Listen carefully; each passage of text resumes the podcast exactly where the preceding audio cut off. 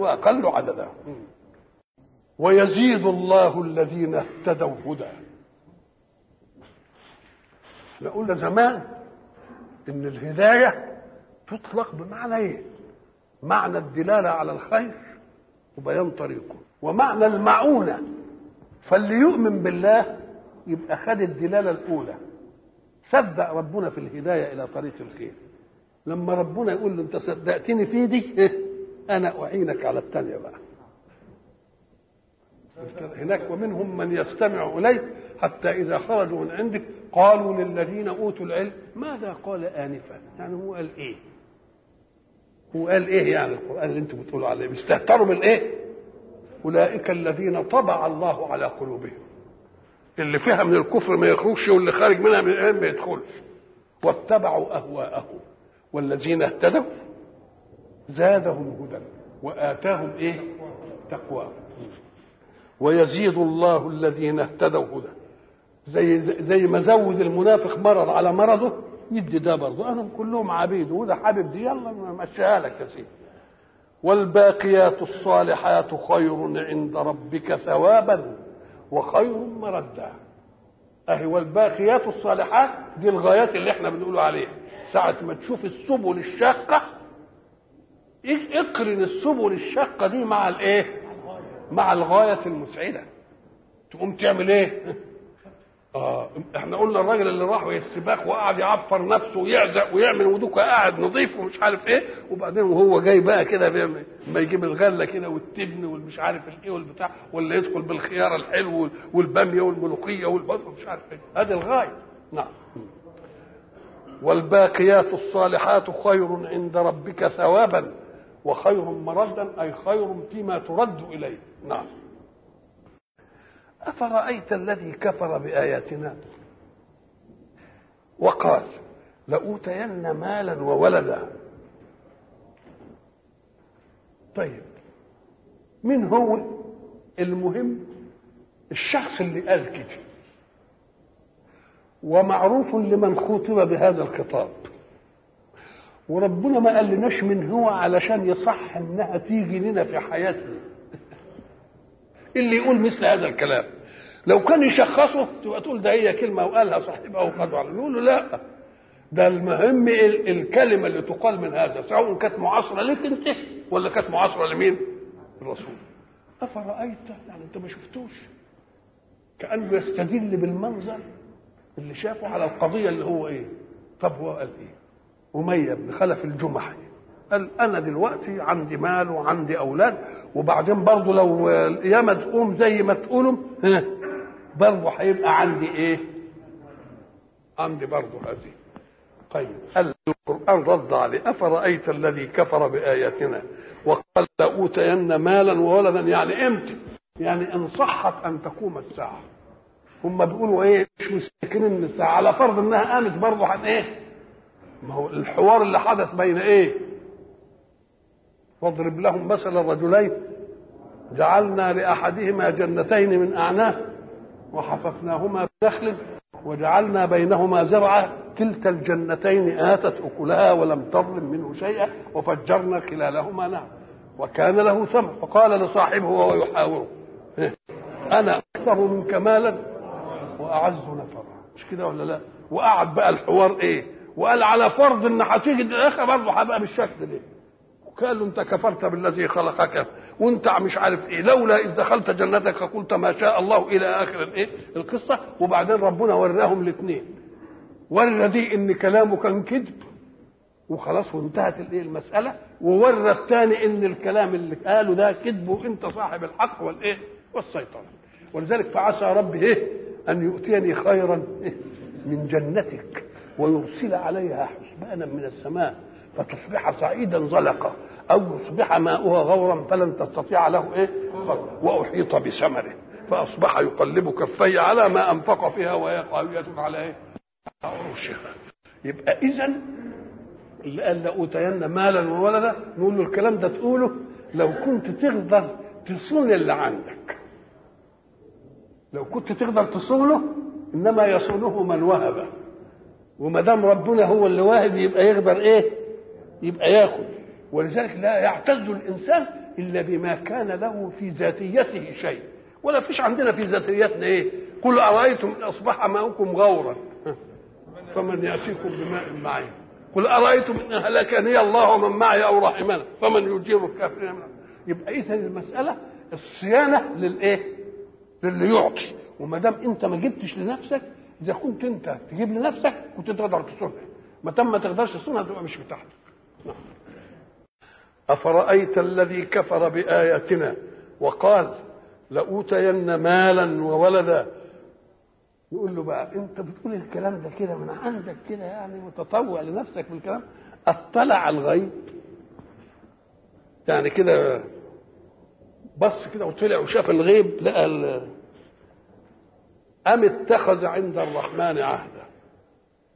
ما ما يقولش الكلام ده لأوتين مالا وولدا يعني في المستقبل بدل اللي هيروح ده إلا إذا كان حاجة من الاثنين يا شاف الغيب يا من يملك هذا قال له اداله إيه؟ اداله عهد. ولذلك هناك الآية تقول إيه؟ أعوذ بالله من الشيطان الرجيم. أفنجعل المسلمين كالمجرمين؟ ما لكم كيف تحكمون؟ أم لكم كتاب فيه تدرسون إن لكم لما تخيرون؟ أم لكم أين أن أيمان, أيمان بالغة إلى يوم القيامة؟ إن لكم لما تحكمون. سلهم أيهم بذلك زعيم؟ من اللي ضامن لهم الحكاية دي فليأتوا بشركائهم كانوا صادقين. يوم يكشف عن ساق ويدعون إلى السجود إيه؟ فلا يستطيعون. أفرأيت الذي كفر بآياتنا؟ وقال لأوتين مالا وولدا. أطلع الغيب أم اتخذ عند الرحمن عهدا. العهد معناه الشيء الموثق بين اثنين. الاثنين من المخلوقات عندهم أغيار. يمكن يتعاهدوا على حاجة ولا يقدروش ينفذوها الاثنين أو واحد يقدر ينفذ والتاني ما يقدرش إيه؟ ينفذ إنما مين اللي ما يخلفش العهد؟ اللي ما فيش قوة تانية تبطل. ما فيش إلا هو بس.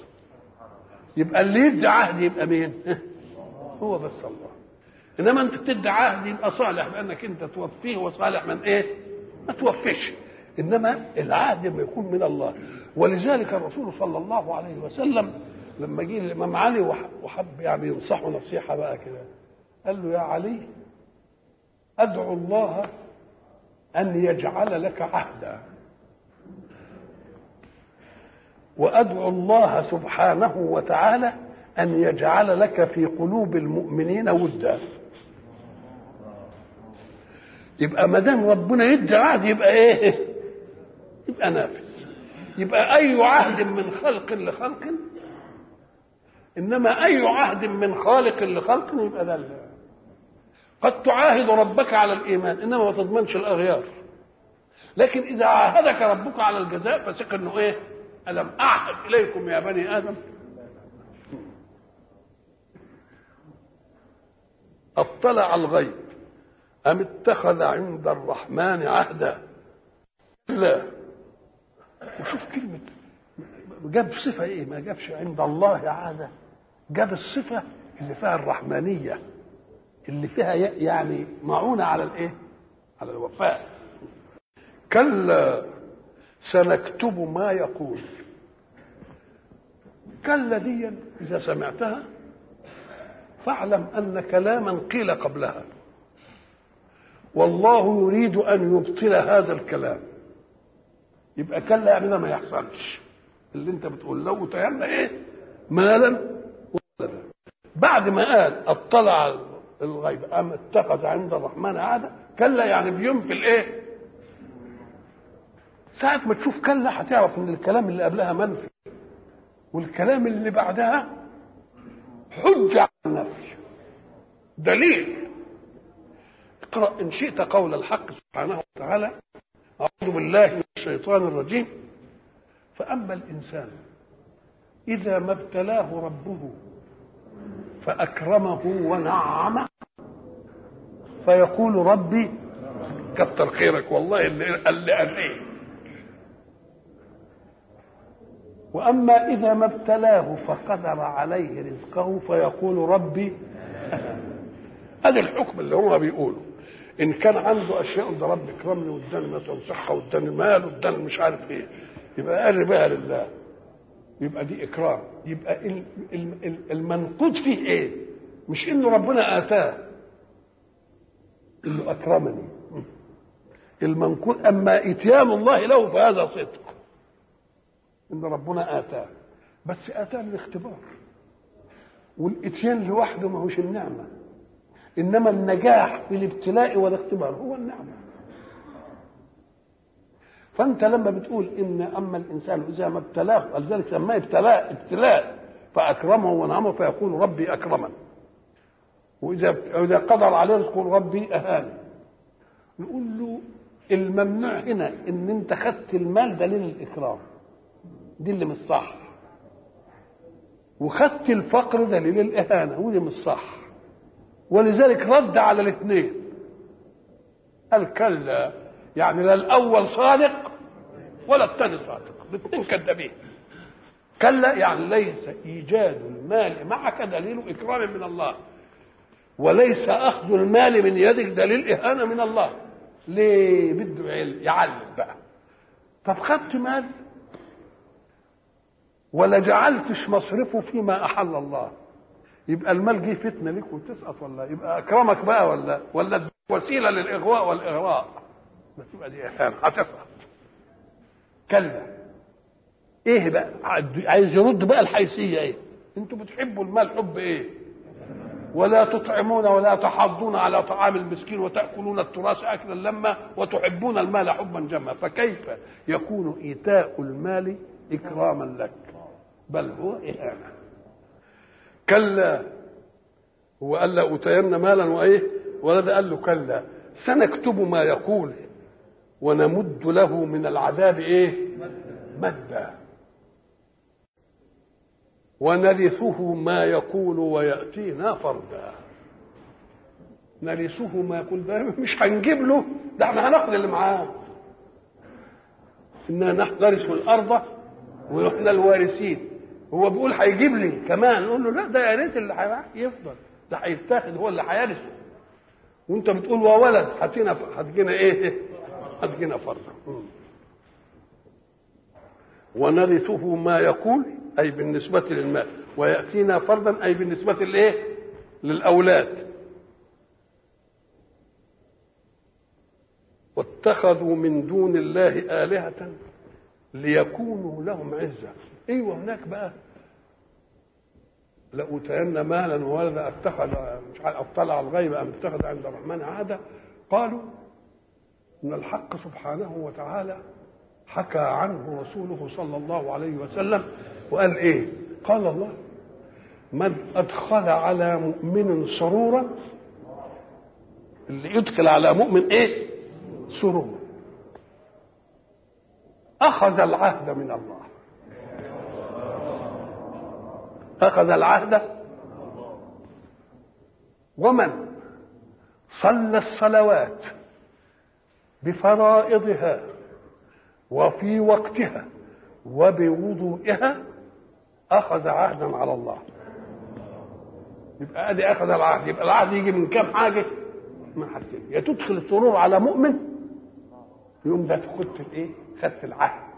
يبقى ربنا قال ده هو اللي يبقى واخد عهد مني إن أنا ما إيه؟ ما أدخلوش النار. واتخذوا من دون الله آلهة ليكونوا لهم عزا الإنسان لا يتخذ إلها أي معبودا. ما هي معنى إله يعني إيه؟ معبود. معنى رب يعني موجد ورازق موجد من عدم ورازق من عدم هذه معنى. يبقى الربوبية عطاء. قاعد يربي فيه كل والألوهية تكليف. كان الأصول والمنطق إن اللي ده نعمة التربية تسمع كلام. إنما أنت خدت نعمة التربية وبتاع ولما يجي يقول لك اعمل كذا ولا تعملش كده إيه؟ سبته ولذلك حتى في الفلاحين يقول لك اللي ياكل اللي ياكل لقمتي يسمع كلمتي. يعني ده الأصول كده. ولذلك يقول لك هو الآفة في التربية إيه؟ العيل أبوه يقعد يشقى. أمه تحمل وترضعه وتربيه وأبوه يشقى ويجيب له وإلى آخره ولما يبقى شاب كده وبتاع وحاجات زي دي ويطلع يروح صيدوا شوية ناس زيه أفاقين ويقعدوا إيه؟ يغروه بالأشياء بتاعه يا أخويا دول كانوا فين وأنت كانوا فين وأمك عمالة تعمل فيك ده ما يصحش إنك أنت تسمع كلمة إلا مين؟ اللي كان حامل همك ولذلك أصول التربية إن لما نيجي نربي أبنائنا نقول له يا بني أنا بجيب لك تاكل بجيب لك تشرب بجيب لك حد في الشارع جاب لك دي يقول لك لا. يقول له أنا لما أقول لك بقى كلام أبقى مأمون عليك. يعني أنا اللي تعبت. اوعى تسمع كلمة من حد غيري اوعى تطيع أمر من حد غيري اوعى واحد يديك مثلا دلوقتي على على الحاجة العصرية اوعى واحد يديك وردة تشمها لأنه يعني يمكن حاطط لك فيها اللي يقود إلى التعود ولا مش عارف. ولا يديك شوكولاتة يمكن بده يخدرك وبده آه اوعى تامن حد عليك إلا لمين؟ اللي أعطاك وأنت أضعف خلق الله. إنما هم يعرفوك وأنت قوي كده وفتوه وشاب ومش عارف إيه وبتجري لا اوعى اوعى ساعة ما ندي لاولادنا المناعة من هذه الناحية يقوم الولد يطلع. قفل بقه حتى ما يشربش من واحد بره كوباية شاي. ما يشربش منه كوباية ميه خدش منه شوكولاتة. خدش منه ملبسه لأن ما حدش مأمون عليا إلا مين؟ إلا اللي تعب فيه وربنا تفهمه كده. يوم الولد من دول ساعة ما يطلع حتى إن كان هيجوع ولا بتاع يبقى اديله يا سيدي إزازة حط له فيها شوية مية اديله سندوتش يبقى ياكله وتقول له اوعى تمتد لأنك أنت شايف البلاوي اللي بتحصل اهي البلاوي اللي بتحصل بعدين تقودك إلى التعود ولا تعمل؟ مش عارف بيك انهيار والى آخره. يبقى إذا اللي اللي اللي يدي نعمة ويربي هو اللي نسمع كلمته. هم خدوا عطاء الربوبية وسابوا عطاء مين؟ عطاء الألوهية. واتخذوا من دون الله آلهة. طب اللي دون الله آلهة دول كانوا فين وانت بتتربى هم خلقوكم؟ هم عملوا فيكم إيه؟ طيب أنت بتاخد آلهة من غير غير غير الله. أنا أريد إله يعني معبود. معبود يعني مطاع. مطاع يعني في أمر ونهي. مش معنى كده؟ طب قول لي يا إخويا اللي بتعبد الشمس. الشمس تعبدتك بإيه؟ قالت لك اعمل إيه؟ ولا تعملش إيه؟ ولو عملت اللي هي عايزاه هتديك إيه؟ ولو ما عملتش هتعذبك إزاي؟ قالت لك الشمس حاجة من دي. أما تتخذ إله كده بدون أوامر وبدون تكليفات تبقى ده عمق ولا مش عمق؟ فأي إله دون الله؟ نقول له تعالى. قال لك إيه الإله اللي أنت واخده ده؟ طب أمال الناس بتصدق ليه؟ قال لك لأن التدين طبيعة في النفس لكن آفته إنه بيطلب من الإنسان على خلاف شهوته شهوته في حاجة يقول له بلاش دي وهو عايز يعمل إيه؟ عايز يعمل اللي على كيفه ويبقى متدين يعمل اللي على كيفه ويبقى إيه؟ يقوم يروح للآلهة اللي ملهاش تكليف دي طب هي هي كلفتك بإيه؟ قالت لك إيه؟ قالت لك ما تشربش خمر، قالت لك ما تكذبش، ما قالت لكش حاجة، تبقى والله كويسة الآلهة دي قوي، اللي أنا هقعد أعبد فيها أهو على كيفي وأعمل اللي على كيفي، إنما الإله اللي عايز تكليفات لا بلاش إيه؟ بلاش إيه؟ ولذلك ده السبب في إنك أنت تجد ناس مثقفين وعقولهم كويسة وفيهم نضج، وبعدين يجي واحد دجال يقعد وياهم شوية يروح قايل لهم شوية يقولوا لا الاختلاف ده, العصر اقتضاه ده مش عارف إيه ده ده يقول لك والله ده دين كويس دي. ويبقى مقنع نفسه بإنه إيه؟ إنه متدين وإنه على دين. إنما مش على إيه؟ حل إيه؟ على حل الشعب. هذا السبب في رواج هؤلاء الدجالين. إنهم بيطمنوهم على إن ده دين. إنما ملوش مطلوبات. وما دام دينه ملوش مطلوبات يبقى والله غ... غ... كويس ده ولا مش كويس؟ يبقى كويس قوي واتخذوا من دون الله آلهة ليكونوا لهم عزا ما هو العز؟ العز هو الغلبة والامتناع على الغير. يعني ما فيش واحد ينال منه شيء. يقول لك ده عزيز. عزيز يعني ما حدش يقدر يعمل إيه؟ ما حدش يقدر يعمل فيه حاجة. بقى يعني ليكونوا لهم عزة. قال لك طب عز يعني عشان يعملوا لهم إيه؟ طب قول لي كده هيعملوا لهم إيه دول؟ الالهه اللي هتاخدهم كذا برضه هيرد. هم هيكفروا بيهم الآلهة نفسها هتكفر بدول ويكونون عليهم ضدا. ويكونون عليهم إيه؟ يبقى هو خده على إنه إيه؟ عز. ولكن ينقلب هو يبقى إيه؟ ضد. طب الملائكة اللي الناس اللي عبدوه ربنا هيقول للملائكة هؤلاء إياكم كانوا يعبدون؟ قالوا سبحانك أنت ولينا بل كانوا يعبدون الجن. إذ تبرأ الذين اتبعوا من الذين إيه؟ اتبعوا وتقطعت بينهم الإيه؟ الله. يبقى دول هيجوا في, في الآخر يقول لك ولذلك ومن أضل من يدعو من دون الله من لا يستجيب له. وهم عن دعائهم غافلون. يا ريته حتى يسمع ولا يستجيبش. إنما لا يستجيب وهو إيه؟ عن دعائه إيه؟ وهم عن دعائه إيه؟ أيوه ومن أضل ممن يدعو من دون الله من لا يستجيب له وهم عن دعائهم إيه؟ غافلون. ليكونوا لهم عزة. قالت فلانة لأبيها. فلانة دي كناية عن أي واحدة. قالت فلانة لأبيها يا أبت ما حملك على أن تقبلني مخطوبة لابن فلان؟ يعني البنت بتقول لأبوها إيه؟ ما الذي على أنك أنت تقبل أن تكون مخطوبة لابن فلان. إيه إيه اللي عاجبك فيه يعني؟ قال لها يا بني إنهم أهل العز وأهل الجاه وأهل الشرف وأهل القوة والمنعه قالت له يا أبتي إنك قدرت أن يكون بيني وبين ابنهم ود ولم تقدر أن يكون بيني وبين ابنهم كراهة. فإن كان بيني وبين ابنهم كراهه سيكون ما قلته ضدك. وتبقى أنت اخترت خناقك. يبقى قوي عليك. أنت ضامن إن أنا أبقى كويسة وياه ولا من الممكن إنه إيه يكرهني طب لما يكرهني يبقى العز والجاه والسيطرة والقوة. ضد مين بقى؟ إيه هي دي. ليكونوا لهم عزة قال لك لا ده هيبقوا عليهم إيه؟ ضد. قال لك إيه؟ في ناس آلهتها المال والمال قوم إن بدا المال قائلا أنا المال قال القوم إياك نعبد. يقول له يا خايب ده أنت ده أنت فاهم إنه هيبقى تعتز بالمال. ده هيبقى إيه؟ نكال عليه. يوم يحمى افتكر. يوم يحمى عليه في نار إيه؟ فتكوى بها إيه؟ جباههم وجنوبهم وظهورهم. يقول لهم هذا ما كنزتم لأنفسكم لتعتزوا به.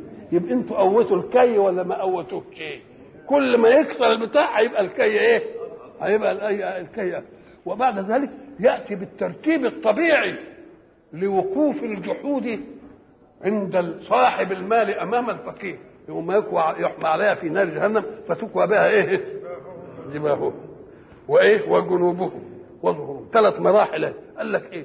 قال لأن أول ما يجي اللئيم الغني ساعة ما يجي له المحتاج ساعة ما يشوفه وجهه يتغير. ويشح بوجهه عنه كده. ادي اول مرحلة. وبعد ما يشح بوجهه يقرب شوية يقوم يديله إيه؟ جنبه. وبعدين يقرب له شوية يجي من ناحية يقوم يديله ظهره. يبقى العذاب على قدرها. يوم يحمى عليها في إيه؟ في نار جهنم. فتكوى بها إيه؟ جباههم وبعدين تكوى إيه؟ جنوبهم. وبعدين تكوى إيه؟ يبقى لما يبالغ بقى في المال يبقى عمل إيه؟ يبقى كنت أنت عايز عز بقى لك إيه؟ ضد. كلا سيكفرون بعبادتهم. الله. وإذا حشر الناس كانوا لهم أعداء وكانوا بعبادتهم إيه؟ كافرين. نعم. كلا سيكفرون بعبادتهم ويكونون عليهم ضدا. لأنهم هيشهدوا. ده حتى الجوارح اللي تمتعت بمعصيتك هتشهد عليك انت متعتها وبعدين تشهد عليك يوم القيامة. الله يوم إيه يقول تشهد عليهم إيه؟ ألسنتهم. وأيديهم. مع إن اللسان قال اللي على كيفه شتم وسب ده وقال لا ما فيش إله وقال. قال اللي على كيفه. مش كده ولا والودن سمعت اللغو والعين شافت المحرم وكل واتمتعت. أهم دول هم اللي هيشهدوا. أنت متعتهم إنهم قال لك أيوه ده؟ كلام كلام صح ليه؟ لأنك غفلت عمن كان يجب أن لا تغفل عنه. وذكرت عمن كان يجب الا تذكره. فيجي الإله اللي أنت اتخذته ده. أنت تركت الإله الحق ورحت للإله الإيه؟ الإله الباطل. يقوم الإله اللي تركته الحق اللي تركته هو اللي يبان لك. ويمسكك. والإله اللي انت خدته الباطل هو اللي يتخلى إيه؟ يتخلى عنه. نعم.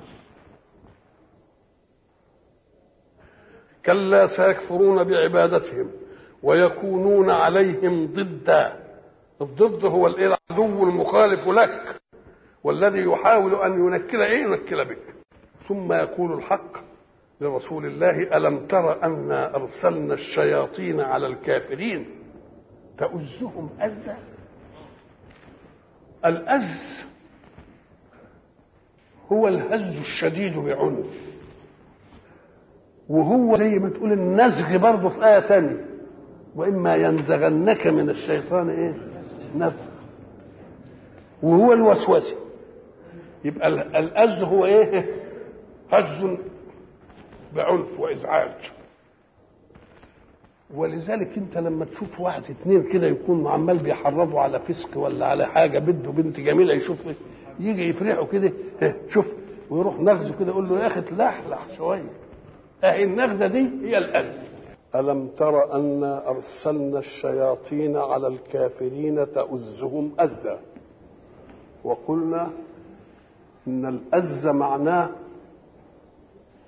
النخس بإزعاج شديد. تهزه كده بإزعاج شديد.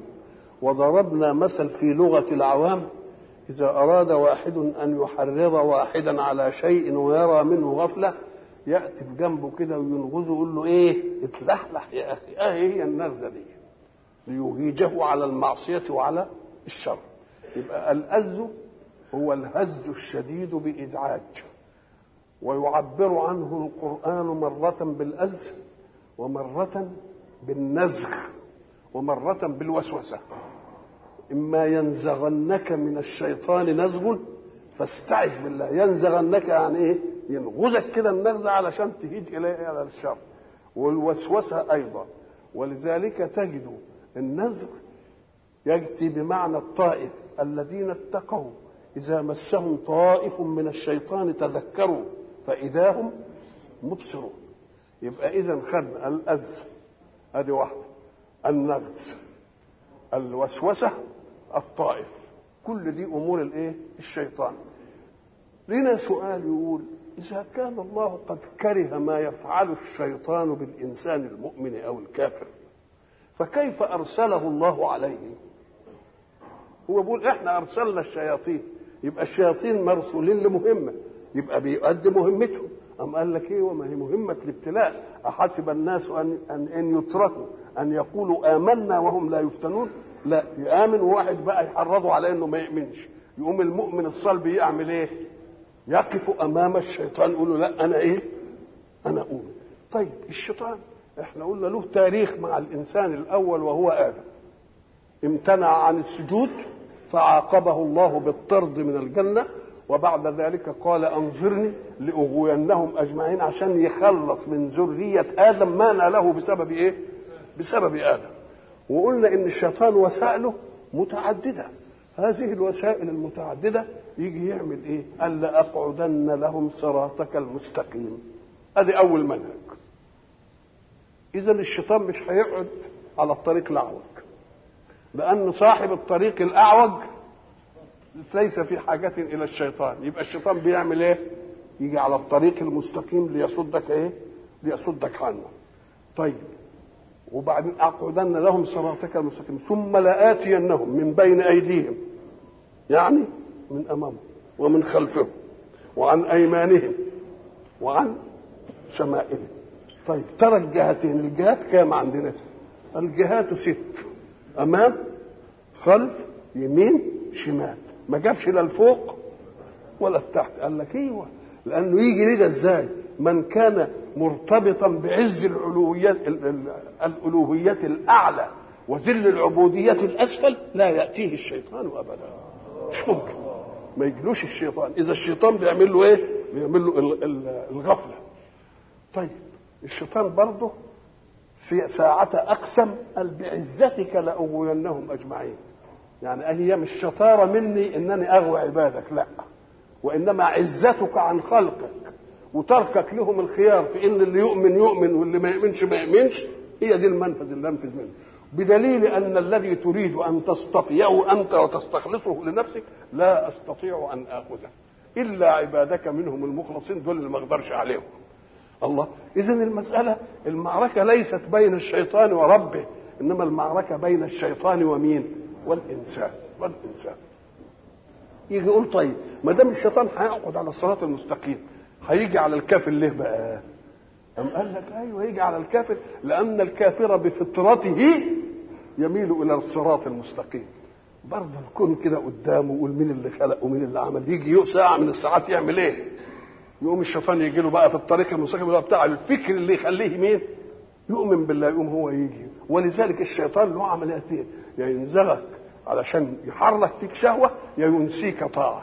ولذلك يجي الاثنين وما أنسانيه إلا الشيطان. يبقى في الطاعة إيه؟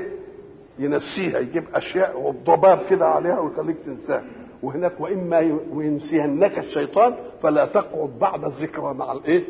مع هؤلاء. الله. اذا الشيطان له وسائله الإيه؟ الخاصة. فالحق سبحانه وتعالى يقول احذروا الشيطان. الشيطان يحارب في الإنسان فطرته الإيمانية. فطرته وفطرته الإيمانية تدعوه إلى انه ساعة كده يروح يفكر إن الكون ده لازم يكون له خالق لازم كذا لازم كذا لازم كذا. إذا كان الدليل على الوجود الإلهي دليل فطري مش عايز فلسفة. العربي لما مشي كده قام لقى البعر في الصحراء ولقى آثار قدم على الرمل. فقال إذا كانت البعرة ده تدل على أن بعيرا كان هنا والقدم ده يدل على أن ماشيا كان يمشي هنا فسماء ذات أبراج وأرض ذات فجاج وبحار ذات أمواج. ألا يدل كل ذلك على وجود لطيف الخبير يبقى اذا الايمان فطري ولا مش فطري؟ فطري؟ ربنا عالم بكل شيء. يقول الله. ده اللي بيصنع راح يعني البردعة ولا يصنع مكنه عارف جزئياتها وعارف دقائقها ولما تتعطل يروح يحط إيده على العطل يعمله. يبقى اللي خلق الإنسان يعلم ولا ما يعلمش؟ يبقى اذا يعلم. ألا يعلم من خلق؟ وهو اللطيف الخبير. ده هو اللي عاملها. يبقى عارف العطب يجي إيه؟ يجي منين؟ اذا الأدلة الإيمانية كلها أدلة إيه؟ فطرية يشترك فيها الفيلسوف وراء الشاه مش عايزه يعني فلسفة ولا عايزه ربما جاءت الفلسفة فعقدت الأدلة.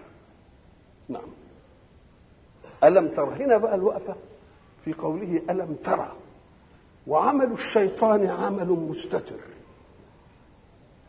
لأن الشيطان يراكم هو وقبيله من حيث لا ترون. يبقى عمله مع الإنسان مش مرئي فكيف يقول الله لرسوله ألم ترى أنت شايف الحكاية دي؟ واحد بيشوف دي؟ أما قال لك لا. هنا ألم ترى؟ يبقى معناها ألم تعلم؟ الله طب وعدل ليه عن ألم تعلم؟ إلى ألم ترى؟ زي ما قال في القرآن الكريم أعوذ بالله من الشيطان الرجيم ألم ترى كيف فعل ربك بأصحاب الفيل؟ طب النبي ولد عامل فيل. ما شافش الحادثة دي ولا شاف لا الطير الأبابيل ولا شاف أي حاجة. فكيف يخاطبه الله ويقول له ألم ترى كيف فعل ربك بأصحاب الفيل؟ يقول له هنا ألم تعلم طب وليه عدل عن ألم تعلم وقال ألم ترى ليدلك على أن إخبار الله لك أصح من إخبار عينك لك فإذا كان يبقى هي أكنها إيه؟ لأن عينك ربما خدعتك إنما إعلام الله لك يبقى ألم ترى يعني ألم تعلم بس تعلم من مين؟ من الله ويبقى علمك من الله أولى من علمك بإيه؟ بالحواس بإيه؟ الحواس بتاعتك. ألم ترى أنا أرسلنا الشياطين؟ الشيطان ده هو العاصي من الجن لأن الجن مقابل الإنس. وأن منا الصالحون ومنا إيه؟ فاللي دون ذلك ده يسموهم إيه؟ اللي هم الشياطين. ألم ترى أنا أرسلنا الشياطين على الكافرين؟ تؤزهم أزا تهزهم وترجهم رجا عنيفا. ليه؟ عشان تعمل فيهم إيه؟ عشان تنسيهم أدلة الفطرة الإيمانية. يبقى برضه واقف في الطريق المستقيم ولا لأ؟ واقف في الطريق المستقيم. ولذلك يجي لنا ناس كتير يقول لك أنا آفتي انني ساعة ما أجي أصلي المشاغل بتاعت الدنيا كلها إيه؟ تيجي في راسي. فنقول له ده ده عملية دي مش ظاهرة دي ظاهرة صحية في الإيمان. لأن الشيطان لو كان عارف إن الصلاة دي مش هتقبل كان ما يجيش فيها انما هو عارف إن الموقف ده هيغفر لك كل حاجة.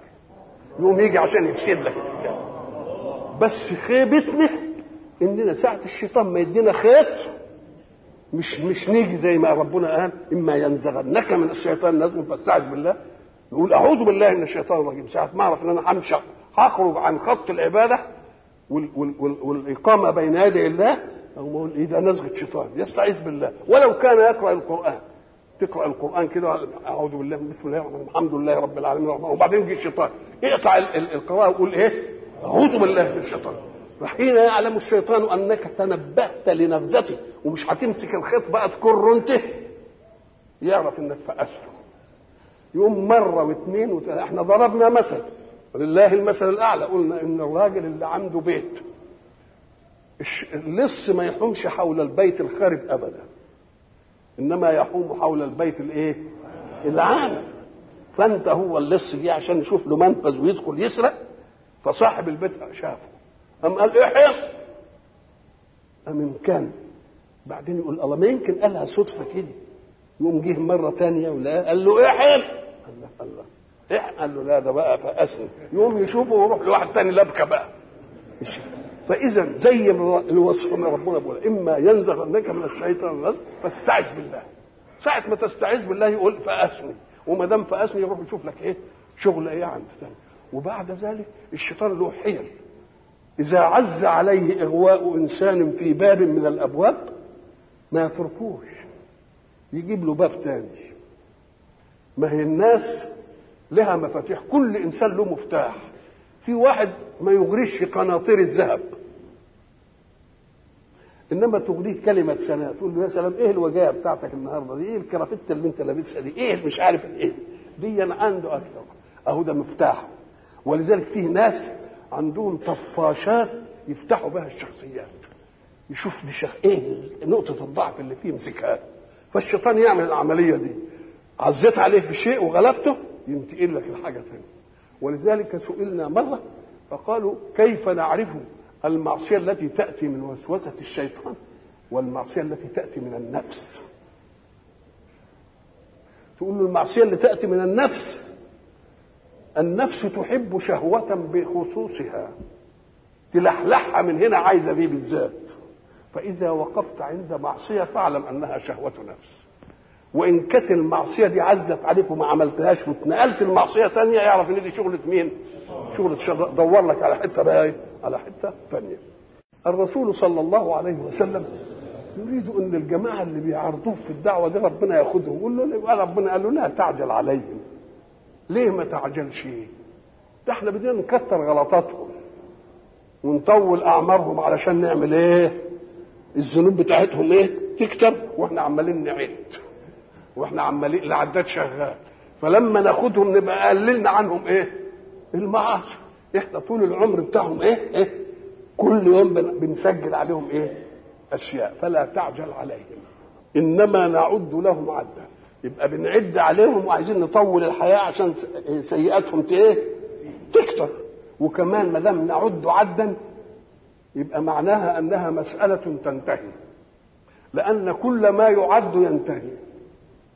اللي ما ينتهيش الشيء الذي لا يعد. إنما كل اللي تعده يبقى إيه انتهى على الأول. ولذلك لما يجي الحق سبحانه وتعالى يقول لنا إيه؟ وإن تعدوا إن تعدوا نعمة الله لا تحصوها. لأن ما عندكم ينفذ وما عند الله إيه؟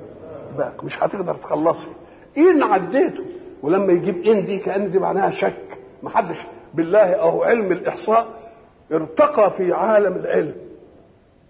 وفيه جامعات وكليات للإحصاء يحصوا كل حاجة يحصوا كل حاجة. هل فيه حد تعرض إلى أن يحصي نعم الله في كونه؟ ليه؟ لأن الإقبال على العد معناه ظن أنك تستطيع أن تنتهي. لكن دي ما حدش أقبل عليها. ليه؟ لأن لأنهم عارفين إنهم مهما عدوا ولذلك تجد اللذه أو الانسجام في الأسلوب القرآني شوف المفارقة. بعض الجماعة اللي بدون ينتقدوا القرآن يقول لك كيف يقول الله وان وإن تعدوا نعمة الله لا تحصوها. هو بيقول نعمة واحدة. إن تعدوا إيه؟ وهي ما دام نعمة ما هي تنعد لا تحصوها. تبقى إزاي؟ قال لك ما أنت بتبص لها على أنها نعمة واحدة قدامك. تفاحة نعمة نعمة التفاح. آه لو أدركت ما فيها من العناصر المذاقه ومن الروائح ومن الغازات ومن الأشكال ومن تجد كل نعمة في طيها إيه؟ طب ما هي المية نعمة؟ طب امسك حلل الميه بقى. إذا نعد لهم عدا يعني بنحصي عليهم سيئاتهم. وكل ما طال عمرهم تبقى السيئات تكتر أدي واحدة. أو نعد لهم عدا لأن أعمارهم ستنتهي وكل ما ينتهي بالعدد ينتهي بالمدد. يوم نحشر المتقين إلى الرحمن وفدا. ده عملية بقى برضه صورة من صور القيامة. بقى جاب صور من صور القيامة متعددة. صور من العابدين للباطل والمعبود الباطل والنقاش اللي حل. صورة من على من كانوا يتعاونون على الشر.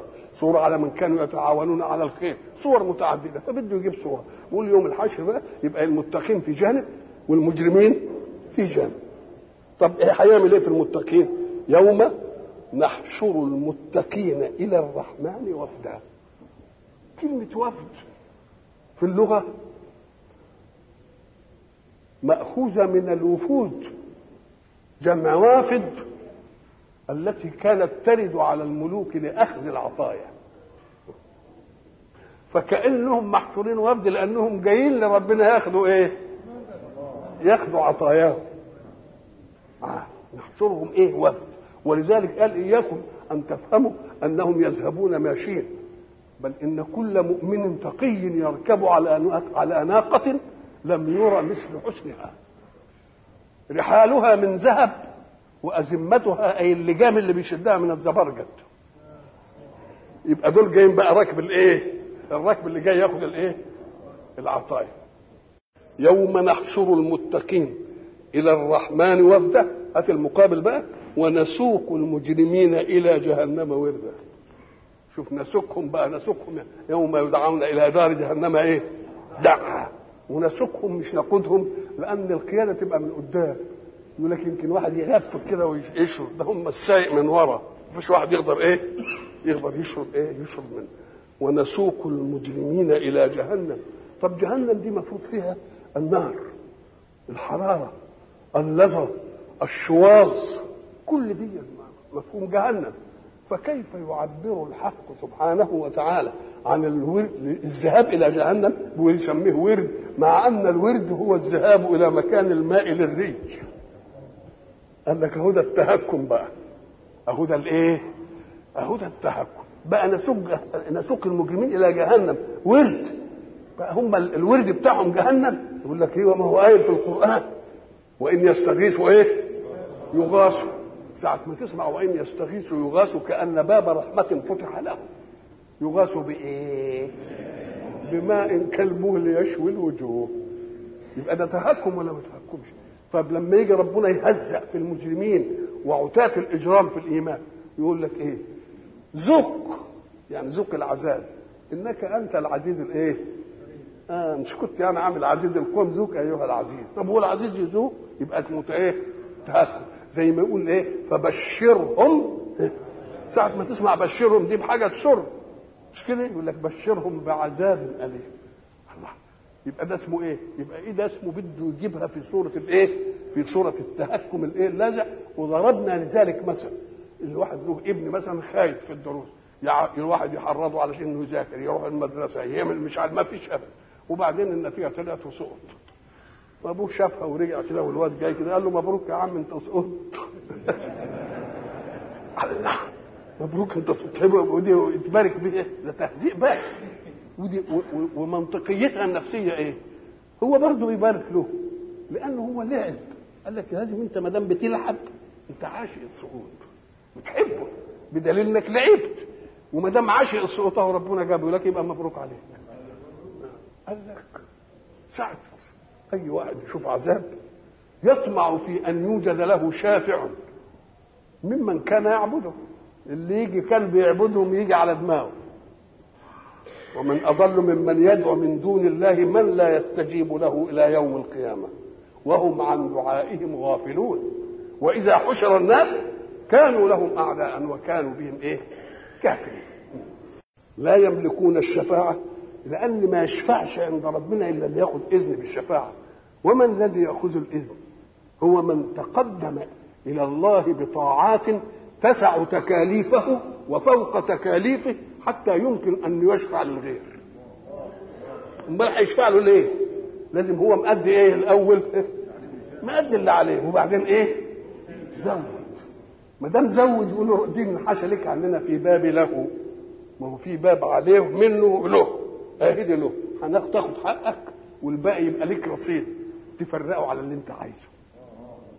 تفرقه على اللي انت عايزه. ولذلك يجب على المؤمن انه ساعتها ينظر إلى إنسان مقبل على الله ما يحتقروش ما يزعلش منه. بل يسر لأن مقبل على الله. يقول له زادك الله هدى وآتاك تقواك. لأنك أنت لما تكون عملت فائض من طاعة يمكن يبقى يعود علينا. ويفتكر إنك أنت ما هزأتوش على هي بس بتهزأ ناس على المعصية. إن الذين اجرموا كانوا من الذين آمنوا إيه؟ يضحكون. فإذا كان واحد بقى وكان في الدنيا ومسرف على نفسه وبعدين شاف واحد طائع كده ويفسحه لو عايز يتوضأ يقوم يوضيه. هو ما بيتصليش إنما ساعة ما يجي وضوء يتوضيه. ساعة ما يروح مثلا الجامع ياخد بإيده. ساعة ما يقول له الله يتقبل منك الله يا شيخ يزيدك هدى. مع إنه عاصي. مين اللي يفتكر له دي بقى؟ في يوم القيامة يشوف يقول له والله انت كنت وإن لم تكن مطيعا إنما أحببت الطائعين. وتلك حسنة. برضه يشفع له ولا ما يشفعلوش يشفع. لما يجي واحد مثلا يكون عنده مسألة يقول لك فلان هو ده اللي يروح لفلان يشفع لك عنده ويتوسط وينهيها لك وفعلا يروح فلان عند فلان وينهي له المسألة. طب إشمعنى نهاها لفلان ده؟ أما لك لازم له من الأيادي عليه ما يجعله ما يردش طلبه. ما يجعله لا يرد له إيه؟ يبقى اذا اللي هيشفع لازم يكون مقدم رصيد. ما دام مقدم رصيد يبقى نقبل إيه؟ شفاعة. وطبعا أو أول من قدم رصيدا ايمانيا رسول الله صلى الله عليه وسلم. اذا الشفاعة بتاعته طبيعية ولا لا؟ ولذلك يقول لك يؤمن لله ويؤمن للمؤمنين. آمن رسول الله ايمانا وسع تكليفه ووسع تكليف أمته كلها. يبقى لما يشفع يشفع ولا ما يشفعش؟ يبقى يشفع قوي. لا يملكون الشفاعة إلا من اتخذ عند الرحمن عهدا العهد هو إيه بقى؟ إن هو إيه؟ أدى حسنات فوق إيه؟ فوق ما فرض عليه. يبقى ده لا رصيد عند ربنا من الإيه حسن ما هو ربنا لا يغفل الرصيد في خلقه. ابدا. واحد عمل حاجة أزيد مما طلب منه يقول له دي تنشل ولذلك يجي واحد يقول لك مثلا فلان اتهم في كذا ظلما. وحكم عليه. ربنا يقول له أنت اتهمت ظلم. وحكم عليك. وأنت بريء. يبقى لك عندي استر عليك فعلا وجريمة تفعلها أمام دي. ما دام أخذت ظلم يبقى أنت مرة هتعمل مش ظلم تعمل حقيقي. يعني واحد اتهم بالسرقة وهو لم يسرق. خلاص؟ واخد عقوبته. يقول ربنا يقول له دي عندك. هخليك برضه مرة. انت تسرق بالحقيقة كده ولا خليهمش يمسكوك؟ والحسنة عندي بعشر امثالها طب شوف بقى يعمل إيه؟ يبقى اذا الإنسان يعرف إن محسوب عليه كل إيه؟ كل كل نشاطه. والعهد هو أن تدخل مع الله في مقام الإحسان والتطوع. ولا يقبل مقام الإحسان والتطوع إلا من أدى الأصل. أتتنفل نفلا وأنت لم تؤدي فريضة؟ مش ممكن لازم تكون مؤدي الفريضة. أتدخل في باب الإحسان وقد قصرت في باب الإيمان؟ مش ممكن. لازم تكون أنت مؤدي باب الإيمان المطلوب منك وبعدين تزود. ولذلك اقرأ إن شئت قول الحق سبحانه. أعوذ بالله من الشيطان الرجيم. إن المتقين في جنات وعيون. آخذين ما آتاهم ربهم. هات العلة بقى إنهم كانوا قبل ذلك محسنين. معنى محسنين يعني إيه؟ عملوا أعمال أكثر من المطلوب بس من جنس المطلوب.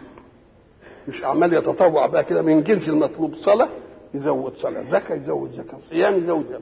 يبقى زاد عن المطلوب من جنس ليه محسنين؟ هات التفصيل بقى. كانوا قليلا من الليل ما يهجعون. طب وهل كلف الله إنسانا أن لا يهجع إلا قليلا من الليل؟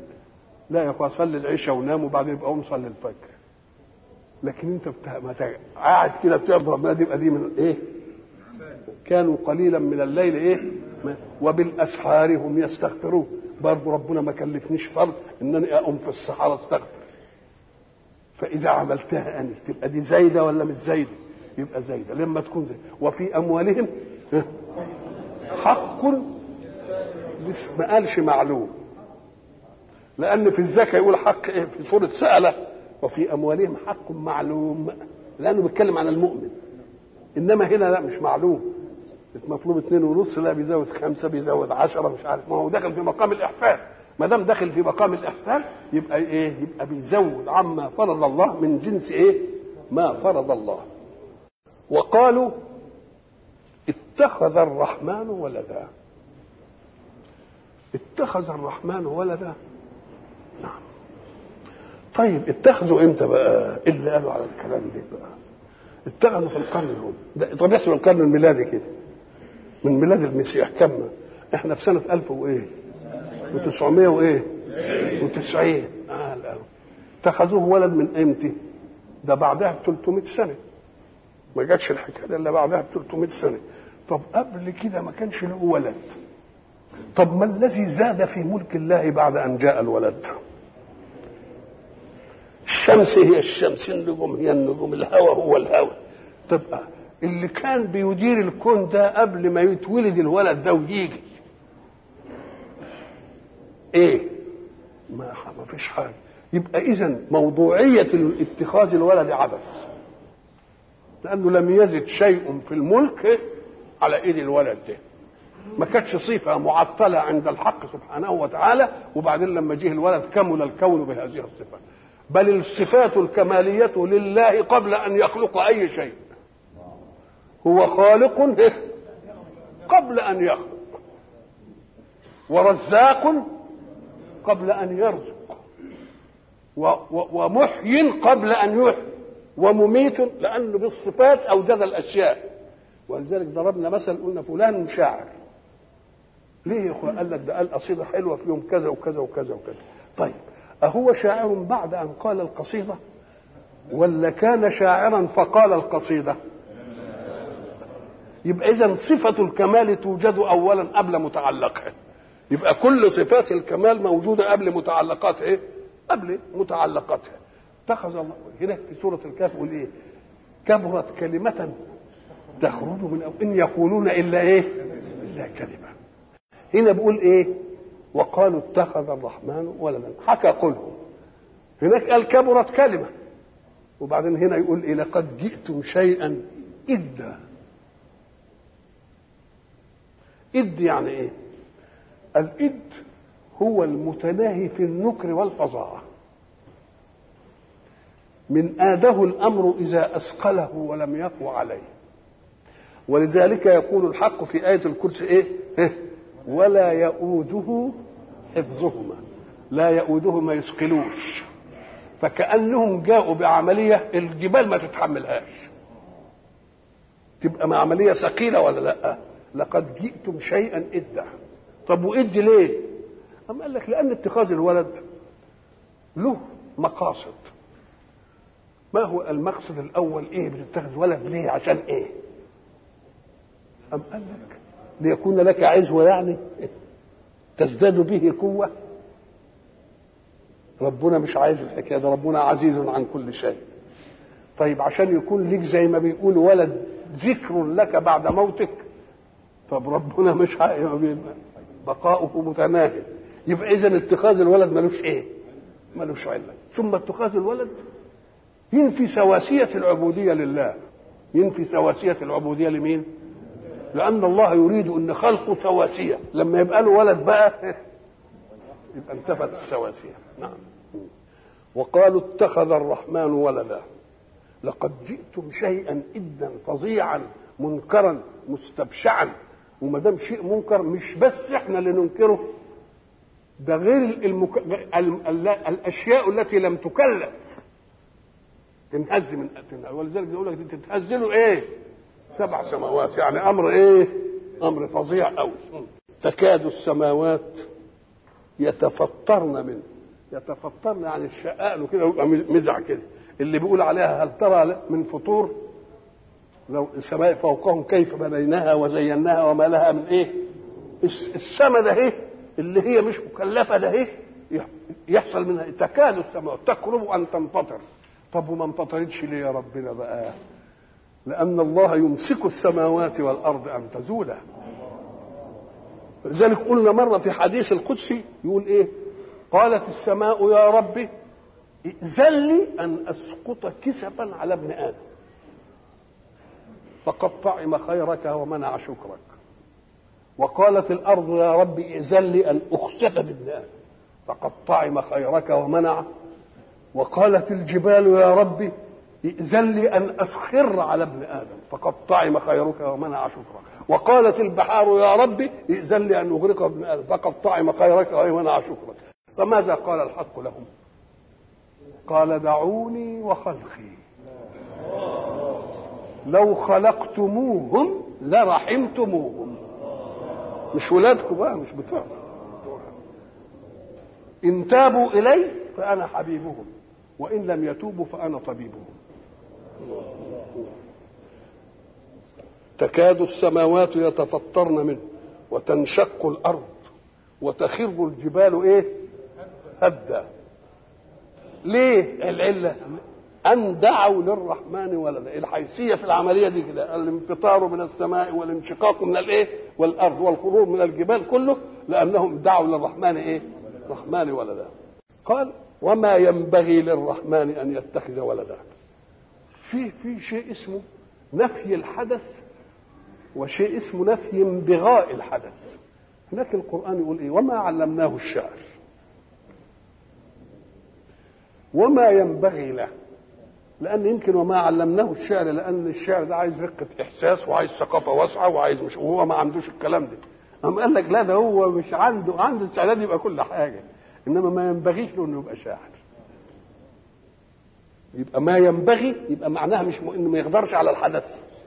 يبقى طب وما ينبغي للرحمن أن يتخذ ولدا؟ أم قال لك يبقى إن كان عايز يتخذ ولد قالها. قل إن كان للرحمن ولد فأنا أول العابدين ما دام هو عايز له ولد يبقى على العين والرأس. إنما هو مش عايز. أنا أعمل له ولد كده من عندي كده كده أجيبه من لا. يبقى اذا وما ينبغي نفي الانبغاء يدل على أن الحدث إن أراده الله يكون. إنما بس ما ينبغيش له إنه يتخذ إيه؟ يتخذ ولد. ليه ما يتخذش ولد؟ قال لك إن لأن الولد على فرض إن ولد بار وطائع قال هو أنا حد متمرد عليه؟ طب ما هو الكل عبيدي الكل عبيدي إن كل من في السماوات والأرض إلا آتي الرحمن إيه؟ حتى الذين كفروا. ما خرجوش عن إنهم عبيد. إزاي؟ أم قال لك الإنسان في منطقة اختيار. منطقة الاختيار دي يقدر يفعل وما يقدرش يفعل. إنما فيه منطقة قصر ولا ما فيش؟ طيب أيها الكافر بما أعطاك الله من صفة الاختيار والقدرة عليه تبقى طائع تبقى كافر تبقى مؤمن من شاء فليؤمن ومن شاء فليكفر. إذا أنت متعود أن تخالف. متعود إيه؟ أن تخالف. يا اللي ما بتصليش. يعني أنت متعود إنك ما تصليش. إذا أنت بتخالف في أمور وضع الله لك فيها اختيار. طب تعالى بقى يا الكافر.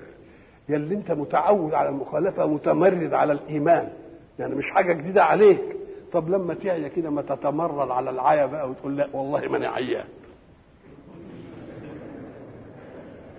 لا. طب لما تيجي تموت تقول لا طب مانيش ميت.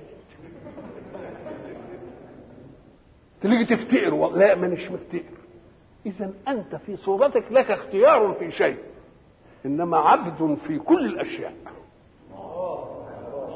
وبعدين الاختيار ده يتمنع إمتى؟ في الآخرة بقى. كنت مختار انك تفعل أو لا تفعل انما في الاخره كلهم. ولذلك إحنا قلنا زمان لازم تفرق بين العبيد والعباد. كلنا عبيد لله. المؤمن والكافر بدليل انه يجري عليه اشياء مع انه متعود انه يخالف ما يقدرش يخالفها وتمشي غصب عنه. نقول له امال العباد يبقوا إيه بقى؟ قال لك العباد جم لمنطقة الاختيار. اللي يختار فيقول يا رب انت اديتني اختيار انما أنا مش هختار اللي انت تقوله. يبقى ألغى اختياره لمراد مين؟ لم... أهو دول العباد بقى. اسمهم تنازلوا عن منطقة الاختيار وقالوا إيه؟ نروح لمنطقة الإيه؟ التكليف. يبقى كل تصرفاتهم إيه؟ تصرفاتهم موافقة لما يريده الله بس امرار القصريات وامرار الإيه؟ الاختيار. ولذلك يقول لك وعباد الرحمن الذين يمشون على الأرض هونا واوا إلى آخره. دول اسمهم إيه؟ عباد. إن كل من في السماوات والأرض إلا آتي الرحمن عبدا وإن كان في ظاهر الأمر في الدنيا لهم أمور يخرجوا فيها عن مراد الله فيه أمور تانية ما يقدروش يخرجوا فيها عن مراد الله. إذا فهو عبد عبد. وبعد ذلك في الآخرة بقى الحتة اللي كان له فيها اختيار إيه؟ نلغيه. واحد مالك واحد عنده مال واحد عنده مش عارف إيه نقوم نقول له صحيح ربنا ملكك الحكاية دي وتتصرف وتعمل كل حاجة وبتاع وحاجات زي دي وتبقى يدي. ما أخدتش الملك غصب عني. أنا أوتي الملك وأنزع وأنزع الملك. محدش خد غصب عني لا. لما عاوز أنزعه أنزعه. ولذلك إحنا قلنا زمان ساعة ما ربنا يحب ينزع ملك يسلط حارس على الملك. ويروح جايب البندقية كده موجهة له وهو نايم يروح ضربه ظرف وتنتهي المسألة. ولا يعمل عليه انقلاب مش كده ولا لا؟ الله يبقى ربنا لما يعوز يؤتي يؤتي. ينزع؟ ينزع. وبعد ذلك ربنا ملك بعضنا مصالح بعضنا. لكن في الآخر يقول الحتة دي انتهت. لمن الملك اليوم؟ ما فيش غيره لله خلاص انتهت حكايتكم بتاعت الدنيا. بتاعت الدنيا دي. لقد أحصاهم وعدهم عدا. إحنا قلنا الإحصاء هو العدد. وكلمة إحصاء مأخوذة كان زمان يعدوا بالحصى. زي ما بنعد إحنا بسبحة دلوقتي كده يجيبوا الحصى ولا النوى ولا أي حاجة وإيه ويقعدوا يعدوا. بس النوى فرع ملكية نخل ويبقى عنده بلح ويبقى عنده مش عارف إيه. إنما الحصى ده يقدر يجيبه في أي حتة من اي حتة. إيه يعد. لقد أحصاهم. وعدهم عدا وكلهم آتيه يوم القيامة فردا. كل واحد جاي لوحده. العزوة والأولاد كل واحد إيه تذهل كل مرضعة عما إيه عما أرضعت. ولا أولاد ولا كما يوم يفر المرء من إيه من أخيه وأمه وأبيه وإيه آه ومن في الأرض جميعا. ثم ينجي. لقد أحصاهم وعدهم عدا وكلهم آتيه يوم القيامة فردا. شوف آتيه هو اللي آتي مش مأتي به.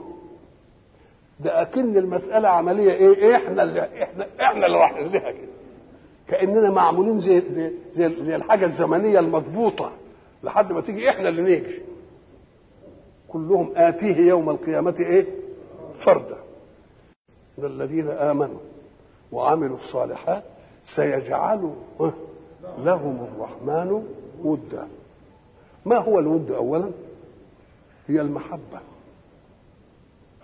المحبة التي تعود إلى شدة التعلق. والمحبة اللي تقود إلى شدة التعلق جعل الله في كونه اسبابا. لها بتود واحد وتحبه ومتعلق به لها أسباب. السبب الأول إنك أنت بتتودد إليه؟ فبيحبك تتودد إليه إزاي؟ قال لك ساعة ما بيقبل عليك تقوم له ببشاشة كده وتفسح له في مجلسك وتفضل. ساعة ما يغيب تسأل عن غيبته. فلان ما جاش ليه؟ مريض تعوده. عنده هناء تهنيه. عنده عزاء تعزيه. عنده نكبة تشيل عنه. هذا اسمه إيه؟ التودد. التودد ده ينشأ الإيه؟ الود. وفي مرة ينشئ التودد وإن لم يكن هناك تود زي ما يكون قريبي يبقى القرابة عاملة إيه؟ ود طيب ما هوش قريب يا سيدي أم قال لك يكون ليا وياه إيه؟ مصلحة المصلحة دي تخلي فينا إيه؟ بيننا وبين بعض إيه؟ ود صديق انبسطت من خلقه كده والى آخره بقى صديق يبقى إذا أسباب الود الكائنة في الكون إيه؟ التوادد القرابة الصداقة المصالح المشتركة. طب سيجعله لهم ربنا جعل هذا هذا حتى عند الكافر موجودة دي. قال إن اللي آمنوا وعملوا الصالحات ربنا هيجعل لهم ود طب ما هو جاعل أسباب الود موجودة أم قال لك لا؟ يجعل لهم الرحمن ودا بدون سبب من ودادة الدنيا. لا بيتودد وياه ويمكن عمره ما شافه. خلاص؟ وله قريبه وله صديقه. شايف أول مرة كده التفت لقيت قلبك إيه؟ ولذلك تقول له أنا فلان أول ما شفته إيه؟ أنا بحبك يا شيخ لله إيه؟ معنى لله في لله يعني لا يوجد سبب من أسباب التواد والمودة بيننا من الأسباب التي نعرفها. ما بتودنيش ولا ودك ولا أنت قريبي ولا أنت صديقي. يجمعنا مثلا قدر مشترك ولا في مصالح بيننا وبين بعض. أم قال سيجعل لهم الرحمن ودا أي تكرما منه وفضلا. لا بسبب من الأسباب. ولذلك قال أبو حيان إن الحق سبحانه وتعالى حين يرى عبده المؤمن قد أقبل إليه بقلبه. قال له قلبه يا رب ما يسكنوش إلا أنت ولا يدخلش فيه غير أبدا إلا أنت. أقبل إليه إيه؟ ربنا معودنا إن لما نحيي تحية نحيي بإيه؟ طب أنت قدمت قلبك وهو أسمى ما عندك من مستودعات العقائد اللي عليها بتسير حياتك كلها وقدمته لله. عشان ربنا بيقول إن ما وسعني ما وسع أرضي ولا سمائي ولكن وسعني. أنت قلت له القلب هو ما أقبل علي عبد بقلبه. هذه واحدة. يعمل إيه بقى؟ يحييه إزاي ربنا؟ إلا أقبلت عليه بقلوب المؤمنين جميعا. كلهم. مودة ورحمة. لا بأسباب ولا غير إيه؟ ولا غيرها. أو سيجعل لهم الرحمن ده في الدنيا. طيب ولذلك هناك الحديث بقى إن الله إذا أحب عبدا نادى في السماء إنني أحببت فلانا فأحبه. ينادي جبريل في الأرض إن الله أحب فلانا فأحبه. يكتب له القبول في الأرض كل اللي يشوفه إيه؟ يحبه. أهو ده اللي اسمها إيه؟ سيجعل لهم الرحمن ودا أي عطية من عنده بدون أسباب الودالة الموجودة في الدنيا للمؤمن وللكافر. نعم. ان الذين امنوا وعملوا الصالحات سيج... بدليل سيجعلوا. طب سيجعلوا؟ أم قال لك آه لأن هم الأول يبقوا مؤمنين وعملوا صالح. وتقدم إلى الله إلى الله بقلبه يقول يا رب هم ما يسكنوش إلا أنت. نقوم نجيب له القلوب كلها. هو تبرع بقلب واحد. تبرع بقلبه. أنا جبت له إيه؟ كل القلوب. لأنك أنت تبرعت بما تملك. وأنا اتبرع بما أملك. كل دي كل دي في ايدي أوجهها كلها. إيه ولذلك يقول لك مثلا إيه؟ كان الله في عون العبد. ما دام العبد في عون أخيه. نشوف كده. طب أنت في عون العبد يعني في معونته معونته يعني أنت متميز في شيء ومش عنده. قوي وهو ضعيف. صحيح وهو مريض. عالم أنت جال. غني وهو فقير. يبقى في عونه تديله الحاجة اللي انت متفوق فيها وت- وت- وت- وتكمل النقص اللي هو إيه؟ اللي هو فيه. إن الذين آمنوا وعملوا الصالحات سيجعل لهم الرحمن ودا أي مودة ومحبة بدون الأسباب العادية التي توجد المودة والمحبة. عطاء من عنده. وقلنا إن الله سبحانه وتعالى علمنا أننا إذا حيينا بتحية نرد نحن هذه التحية بمثلها أو خير منها؟ خير منها أو مثلها. اللي ما يقدرش على أحسن يأديها مثلها. فكيف به سبحانه إذا حييته أمت تحية وأعطيت قلبك له اللي هو مستودع العقائد وينبوع الصالحات كلها؟ يقول لك أنا أجيب لك قلوب المؤمنين كلها تبقى فلوس يبقى ما أعطى فوق ما إيه؟ فوق ما أخذ. وقلنا إن الحق سبحانه وتعالى يعامل عباده هذه الإيه؟ المعاملة. يقول كان الله في عون العبد. ما دام العبد في عون أخيه. والعون يقتضي معينا ومعانا. المعين لازم يكون أقوى من المعان. فبيفيض عليه من فضل ما عنده صحة قدرة غنى علما أي حاجة. زائد فيها يديها للتاني أدي يبقى اسمه بيعين العبد. طب ما دام العبد عان العبد أعانه بقدرته المحدودة وإمكانياته المحدودة أيضا. وبعد ذلك ربنا يقول له أنت كنت في عون العبد بقوتك المحدودة وإمكانيات المحدودة. أنا في عونك بإمكانيات التي لا تحد وقدرات التي لا تعد يبقى الإنسان كسب ولا ما كسبش؟ يبقى إذا الناس اللي بيتاجروا في العملية يعين ضعيف عشان إيه؟ عشان ربنا يديله يديله المعونه يبقى ضحى بالقليل علشان إيه؟ ياخذ الايه ياخذ الكثير الله يريد منا التواد والمحبة فيربطنا ببعض وبعدين هو اللي يدفع الثمن هو اللي يدفع الايه الثمن حق سبحانه وتعالى يعطينا يقول لك الحسنة بعشر أمثال وتزيد إلى 700 مش عارف إيه. الله. يبقى اذا الدين ده كله تجارة ولا مش تجارة؟ آه ولذلك يقول هل أدلكم على تجارة؟ أو تجارة لن تبور. الله. إذا المسألة كل العملية الإيمانية أوعى تفتكر إن الإيمان إيثار ده الإيمان أسرع. أنت عايز اللي عنده. تصدقت بكذا عشان ربنا يديك إيه؟ يديك كذا. يبقى الإيمان ده أنانية عالية بس. اسمها أنانية إيه؟ أنانية إيه؟ عالية. الحق سبحانه وتعالى يريد منا إننا اللي عنده فضل شيء يعود به على أخيه. وبعد ذلك حين يعود هو على أخيه يعوضه الله خيرا مما إيه؟ هب أن عندك أولاد ولد بتديله جنيه. فنزل السوق. وبعدين جاب شوكولاتة وجاب لب وجاب مش عارف قاعد يبعتر على أخواته. وواحد خده وحطه في حصلته ولا جاب له كوتشينة ولا جاب له مش عارف إيه. تبقى تدي مين بعد كده إيه؟ تدي اللي بيفيض ده. اللي بيفيض على كذلك الحق سبحانه إيه؟ وتعالى. يعاملنا هذه الإيه؟ هذه المعاملة. فإنما يسرناه بلسانك. الفه دي تيجي لحاجة مترتبة على حاجة. نقوم نقول له الحاجة اللي هي بعد الفاء دي لازم تشوفها تدعبس عليها في اللي بعدها. فإنما يسرناه بلسانك لتبشر به المتقي مش كده؟ وتنذر به قوما إيه؟ لد. أكنه قال إيه؟ بشر. إيه؟ بشر المتقين. إيه؟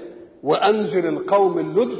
لأننا يسرنا لك القرآن ويسرنا لك القرآن طوعناه لك حفظا وأداء وإلقاء معاني يبقى أنت تعمل به إيه بقى؟ تبقى توظفه الوظيفة بتاعته اللي هو مخلوق من إيه؟ من أجلها فإنما يسرناه بلسانه والتيسير ربنا ذكره في آيات كتير. ولقد يسرنا القرآن للذكر فهل إيه؟ فهل شوف كم في سورة القمر كم مرة ولقد يسرنا القرآن للذكر فهل مدكر وقد يسرنا القرآن للذكر فهل مدكر ولذلك تجد فيها يعني في, التيسير ده عجائب. تلتفت تلاقي الآية في سورة بنص وبعدين في سورة ثانية في سياق واحد والنص مختلف. ليه؟ قال لك لأن المسألة مش مش مش ميكانيكي. مش كلاشيه يجي يقول مثلا إن هذه تذكرة. فمن شاء اتخذ إلى ربه إيه؟ سبيلا. لو بقى المسائل كده كانت تيجي يعني رتيبه لكن يقول لك مثلا في سورة المزمل إن هذه تذكرة فمن شاء اتخذ إلى ربه سبيلا. إن ربك يعلم أنك تقوم أدنى من ثلثي الليل إلى آخره. ويجي في سورة الأتى يقول إيه؟ إن هذه تذكرة. فمن شاء اتخذ إلى ربه سبيلا مش كده إيه؟ وما تشاءون إلا أن يشاء الله. الله. يبقى اذا وبعدين يقول لك إنها تذكرة في آية ثانية كلا إنها تذكرة فمن شاء ذكر إيه اللي يجيب المسائل دي كده ويرتبها الترتيب دي؟ أنت مثلا تيجي تبحث في سورة الرحمن. أعوذ بالله من الشيطان الرجيم. ولمن خاف مقام ربه جنتان طيب. أول المسألة قال إيه؟ جنتان ذواتا افنان مش كده؟ ولا إيه؟ طب أدي واحدة. فيهما عينان؟ فيهما من كل فاكهة زوجان. متكئين على فرش بطائنها من استبرق وجنى الجنتين ده. إذا الاتجاه جاء بعد العملية دي كلها. تيجي الثانية هناك ومن دونهما جنتان. إلى أن قال فيهن خيرات حسان إلى آخره وبعدين يقول متكئين على رفرف خضر دي بعدين. ديك هيجيبها الأول قبل حكاية الحور. في الآية الأولى في الأولانية في الجنة الأولى إيه؟ متكئين على فرش بطائنها من استبرق وجنى الجنتين ذات. فبأي آلاء ربكما تكذبان؟ فيهن قاصرات الطرف. يبقى قاصرات الطرف جاية من إيه؟ على متكئين. إنما في الثانية متكئين جت بعد قاصرات الإيه؟ فيهن خيرات حسان حور مقصورات في الخيام لم يطمسن إنس قبلهم ولا جن مش كده؟ وبعدين متكئين على رفرف خضر وعبقري إيه؟ عبقري حسان. تيجي تلاقي حاجات عجيبة. الحق سبحانه وتعالى تلتفت تلاقي السياق كده وبعدين السياق ينخرم. ما يجيش يقول لك فيهما وفيهما فيهما وبعدين يقول إيه؟ فيهن فيهن. ما هو؟ ولمن خاف مقام ربه إيه؟ فبأي آلاء ربكما ذواتا أفنان فبأي آلاء ربكما تكذبان فيهما عينان تجريان فبأي آلاء ربكما تكذبان فيهما من كل فاكهة زوجان فبأي آلاء ربكما تكذبان. متكئين على فرش بطائنها من استبرق وجنة ما قالش فيهما قاصرات الطرف. فيهن قاصرات الطرف. وبرضه قالوا هناك ومن دونهما إيه؟ جنتان فبأي آلاء ربكما تكذبان؟ مدهامتان. فبأي آلاء ربكما تكذبان؟ فيهما عينان نضاختان. فبأي آلاء ربكما إيه؟ تكذبان. فيهما فاكهة ونخل ورمان. فيهن خيرات إيه؟ حساب. الله فيهن. فيهما كلها ويجي إيه؟ فيهن. اشمعنى جاء عند القاصرات الطرف والحور والبتاع جاب فيهن ودي كان فيهما؟ قال لك هما دول جنتين. إنما الإنسان حتى في الجنة ربنا يريد أن يحترم مشاعر الغيرة في الرجل. فالجنان اللي كل الحاجات دي صح نشترك فيه. لكن في الحتة التانية دي لا كل واحد فيهن بقى. يبقى جماعة كل واحد بتاعه ولذلك لما سئل إن سيدنا الرسول الله عليه الصلاه والسلام شاف في الجنة وبعدين لقى قصر كده فبعد عنه شوية قال له انت بتبعد ليه؟ قال له أنا أعرفه غيرة عمر. الله لحد كده. يعني حاجة في منتهى الإيه؟ في منتهى الدقة والإحكام والرسول يقعد يقلها الوحي ينزل عليه وبعد ذلك يسرع ويمليها للصحابة ويقعد بعد ذلك يقراها هي زي ما هي زي ما هي. لو لم يكن هناك سنقرئك فلا تنسى ما كانتش تيجي ابدا. وتيجي بقى تلاقي العجب. أنت وأنت طالب في الابتدائي مثلا زمان يحفظوك قطعة محفوظات. انت الان حافظها تقدر تقولها. طب إيه احفظ سورة من القرآن ولا كم آية وسيبها شهر. ليه؟ لأن المسألة مش استذكار حافظه بل معونة حافظ.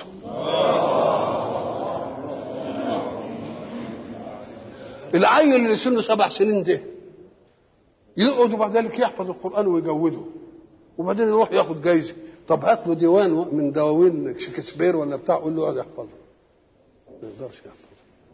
اللي يحفظه من كلام البشر يمكن يفضل فين إحنا الواحد دلوقتي منا بيفتكر محفوظات كان عارفها زمان لما كان في المدرسة الابتدائيه إنما القرآن انغفل عنه أسبوع اتلخبط ليه؟ قال أصلك أنت مش اللي حافظ. أنا اللي حافظ. فإن كنت على ود به أتن من جفاته ولذلك النبي يقول تعهدوا القرآن. ما تسيبوهش. فوالذي نفسي بيده لهو أشد تفصيا من الإبل في عقولها. شوف ال ال ال الجمل بقى لما يسيب من العقال بتاعه يجي يعمل إيه؟ يبرطع ويجري. ليه؟ قال لك لأن كل حرف من حروف القرآن اوعى تفتكر إنه حرف وصورة ومنطوق. ده ملك. ملك بيصف فإن وددت هذا الحرف ووددت الكلمة ووددت الآية يفضل ود الملائكة لي. ساعة ما تيجي تقرأ يترصوا. إنما تكفوهم. ولذلك إن شغلت عقلك في أي قراءة تتلخبط. وبعدين ترجع تعيدها وتقولها على طول كده من غير ما تشغل عقلك تيجي الآية. بتيجي ليه؟ لأنها مش مش مش, مش حفظ إنما حافظ. نعم. فإنما يسرناه بلسانك. جعلناه قرآن عربي في أمة عربية علشان اللي هتنذرهم يبقوا فاهمين. وعارفين مش جايبين لهم كلام. ولو جعلناه قرآنا أعجميا لقالوا لولا فصلت آياته اعجمي وعربي. إنما دي إحنا ما جبناش أعجمي. جبناها إيه؟ عربي. آه. فإنما يسرناه بلسانه وكلمة يسرناه القرآن جاء ذكره هنا. هم قال لك لا ما جاء ذكره. إنما ساعة أنت ما تسمع فإنما يسرناه بلسانك. تعرف أن الضمير ده لا يمكنه أن يعود إلا إلى القرآن. زي ضمير الغيبة. تقول قل هو الله هو اللي هو منه. طب ده هو لازم يكون متقدم حاجة. ساعة ما أقول هو ما ينفعش إلا مين الله الله. نعم. فإنما يسرناه بلسانك لتبشر به المتقين. وتنذر به قوما لدا. اللدد هو عنف الخصومة وشراسة العداوة. يقول لك فلان ده عنده لدد لدد يعني مش خصومة على قد الحياة. لا يبالغ فيها. مهما تحاول تجيبه برضه إيه؟ مخاصم ولذلك إيه؟ وهناك القرآن يقول أعوذ بالله من الشيطان الرجيم. ومن الناس من يعجبك قوله في الحياة الدنيا وهو أشد الإيه؟ ويشهد الله على ما وهو ألد الخصام عنده لدد. لدد يعني إيه؟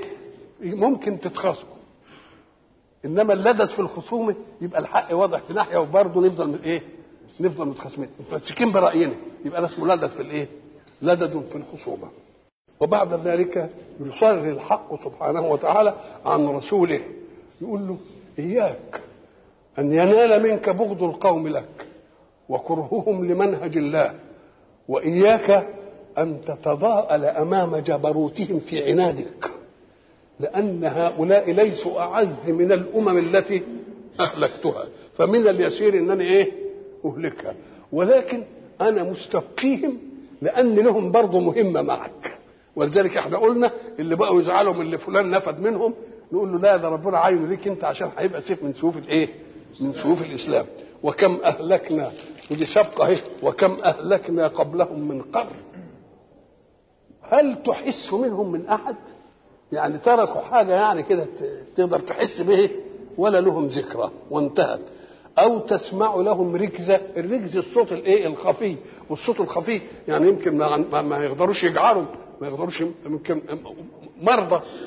ما تسمعش حتى لهم إيه؟ ولذلك يقول لك إيه؟ ما تسمعلوش إيه؟ ما تسمعلوش حس. القرون اللي مشيت فهؤلاء ولذلك أأنتم أشد خلقا أم السماء بناها؟ ولا أنتم أكثر من الأمم اللي إيه؟ أهم خير أهم خير أم قوم تبع؟ الله. يبقى إذا الأمم التي بادت في إرم ذات العماد وثمود الذين جابوا الصخر بالواد وفرعون ذي الأوتاد سلوا لك. بأن كل جبان مهما علت حضارته ما استطاع أن يبقي هذه الحضارة. لأن الله أراد لها أن أن تزول فدول مش أقوى من هذه الإيه؟ الأمم. وكم أهلكنا؟ قبلهم من قرن هل تحس منهم من أحد؟ الإحساس معنى الحس إيه؟ الحس المدركات اللي بحثها من الحواس. العين تشوف الأذن تسمع الأنف تشم الريحة اللسان يذوق الإيد تلمس. ده الحس كله. بأي أداة من أدوات الحس لا تجد لهم إيه؟ لا تجد لهم أثرا هل تحس منهم من أحد أو تسمع لهم ركزة وإذا قال الحق هل هنقول له جميعا لا لا نحس منهم من أحد ولا نسمع لهم إيه؟ نسمع لهم ركزة